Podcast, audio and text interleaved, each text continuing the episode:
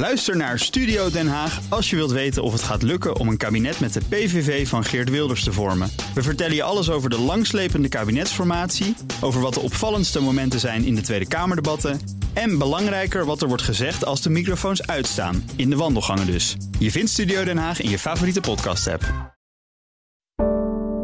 Een goedemorgen van het FD. Ik ben Pauline Swuster en het is donderdag 27 oktober.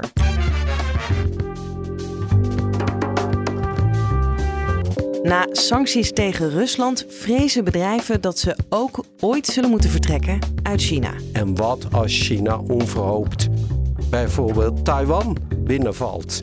Wat moeten we dan doen?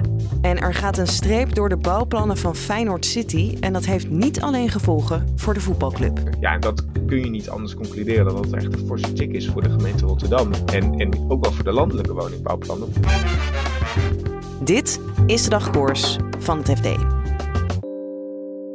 Sinds de oorlog in Oekraïne worden er geen zaken meer gedaan met Rusland. En dat laat CEO's ook kijken naar een ander pijnlijk land, China. En ze maken scenario's voor het geval dat. Algemeen verslaggever Pieter Kouwenberg heeft zich erin verdiept en vertelt dat China en Rusland niet zo heel vergelijkbaar zijn. Nou, eigenlijk helemaal niet. Ehm, kijk, er waren al CEO's die buikpijn hadden van uit Rusland weggingen, maar uiteindelijk deden ze het allemaal zonder problemen. China is een heel ander verhaal. China is een hele grote economie met heel veel mensen die allemaal in principe consument zijn. Dus weggaan uit China, daar hebben CEO's echt buikpijn van. Want daar maken ze hun spullen en daar verkopen ze ook hun spullen. En voordat ze daartoe bereid zijn, dat is echt een ander verhaal. En als we kijken naar de grootte van de economie van Rusland en China, of in ieder geval voor ons de, de waarde, wat voor verschil hebben we het dan over? Uh, China is, is uh, um, samen met Amerika de grootste economie ter wereld. Uh, het is de belangrijkste handelspartner voor Europa. En Rusland is eigenlijk alleen maar belangrijk voor de import van gas. Ja, want we nu merken dat ook best belangrijk is, maar niet zo belangrijk als een van de grootste economieën van de wereld. Ja, precies. En waar zitten die uh, CEO's dan precies mee in de maag? Want als je het zo schetst, dan gaan ze sowieso niet helemaal weg. Nee, het vervelende voor ze is dat uh, het morele vraagstuk: kunnen wij zaken doen met landen met een ander regime dan het democratische regime wat we in Europa en in Amerika kennen? Dat dat ineens door Rusland acuut is geworden. Ik bedoel, we zaten natuurlijk altijd al een beetje ongemakkelijk met China. Met eh, de mensenrechten in Tibet, met de Oeigoeren. Maar het is door de oorlog in Oekraïne is het eigenlijk op scherp gezet. En stellen steeds meer mensen de vraag van kunnen we nog zaken doen in China? En wat als China onverhoopt bijvoorbeeld Taiwan binnenvalt?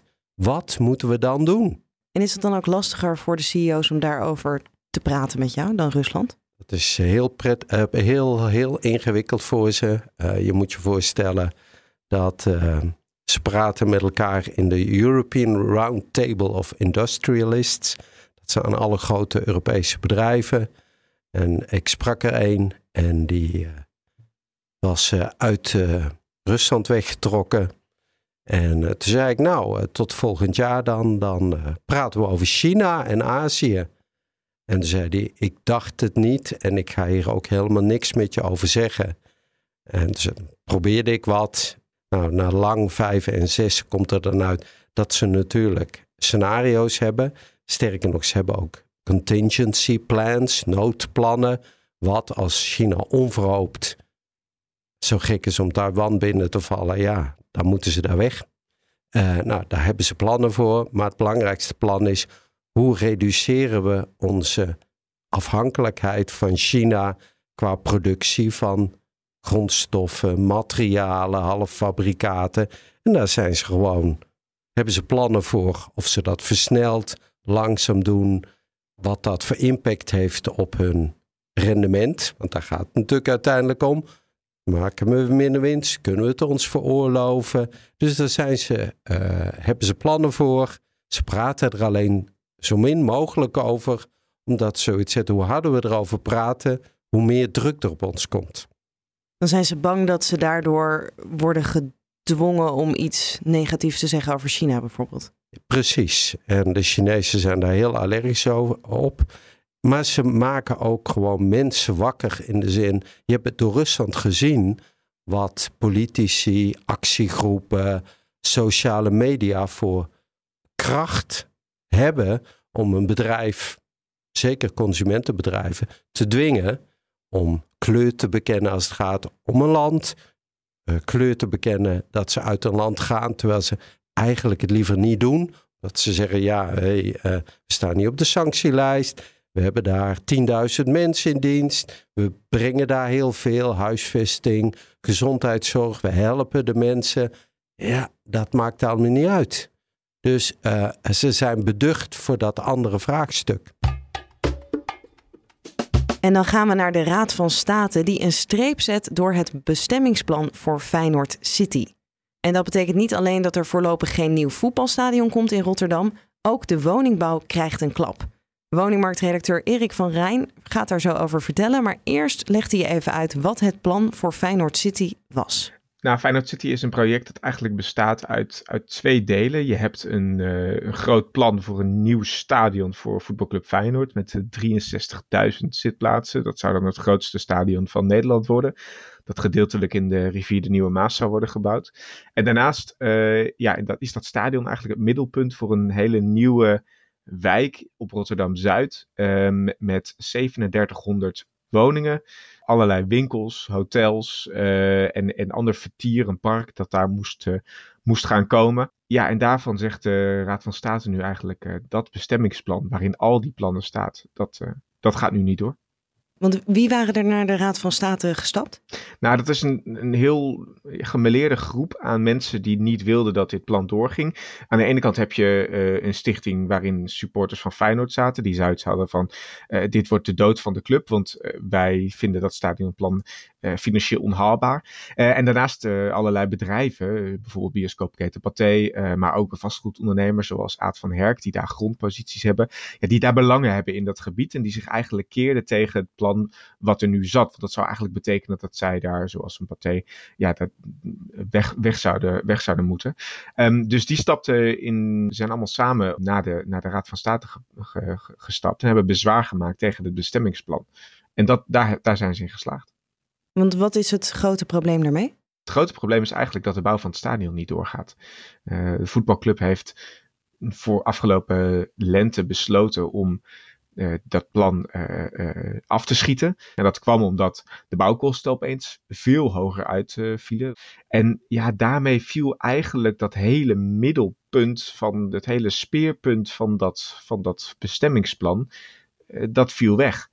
En de rechter zegt eigenlijk van ja, goh, maar toen het bestemmingsplan werd goedgekeurd door de gemeenteraad in 2020, toen had de gemeenteraad eigenlijk al moeten zien dat het plan zoals het er lag, eigenlijk uh, niet uitvoerbaar was en uh, uh, niet realistisch was. En dat, en dat heeft eigenlijk te maken met, met twee dingen.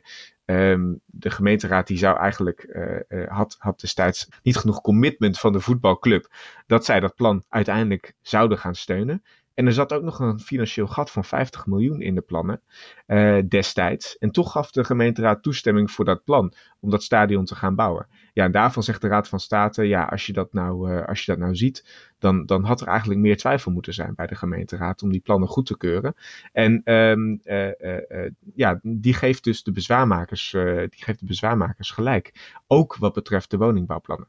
Ja, want was het nog een verrassing voor de gemeente dat uh, de Raad van State er een streep doorheen ging zetten? Nou, ik weet niet of het een verrassing was, maar de gemeente had natuurlijk wel gehoopt dat um, er maar een klein gedeelte van het grote bestemmingsplan zou worden geschrapt. Hè? Als de, raad, de gemeente had ook expliciet gevraagd aan de Raad van State van, goh, als je nou tot de conclusie komt dat dat stadionplan niet door kan gaan, dan willen we graag dat je alsnog toestemming geeft voor het deel van het bestemmingsplan waar die 3700 woningen in staat. Zodat we in ieder geval kunnen bouwen en mensen een dak boven hun hoofd kunnen geven. En zodat die woningbouw in ieder geval geen vertraging oploopt.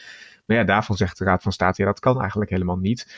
Want nu dat stadionproject niet doorgaat, ja, dan staat er zo'n groot, letterlijk een gat in, in, de, in het plan dat je uh, ja, daarmee eigenlijk, daar zijn die woningbouwplannen helemaal niet op getoetst. Uh, wat betreft de milieueffecten bijvoorbeeld.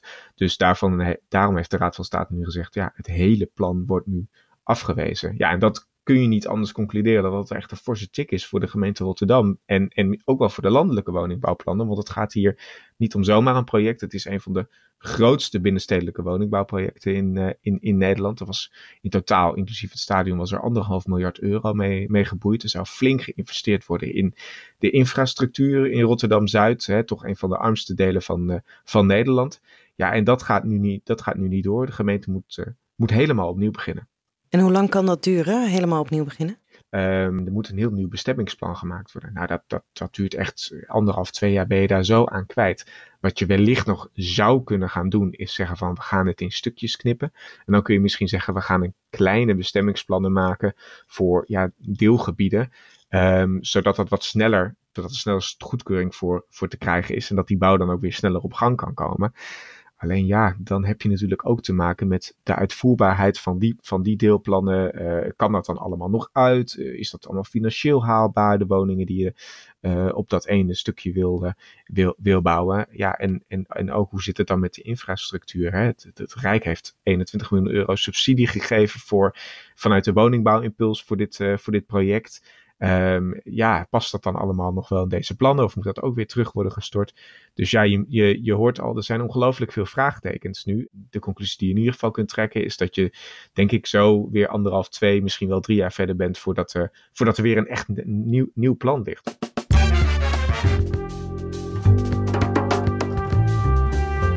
Dit was de dagkoers van het FD.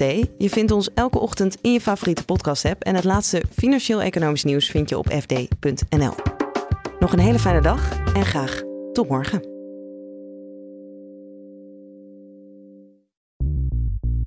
Bij BNR ben je altijd als eerste op de hoogte van het laatste nieuws. Luister dagelijks live via internet. Bas van Werven. En heel langzaam komt de zon op rond dit tijdstip. Je krijgt inzicht in de dag die komt op BNR, het Binnenhof in Nederland en de rest van de wereld. De Ochtendspits. Voor de beste start van je werkdag. Blijf scherp en mis niets.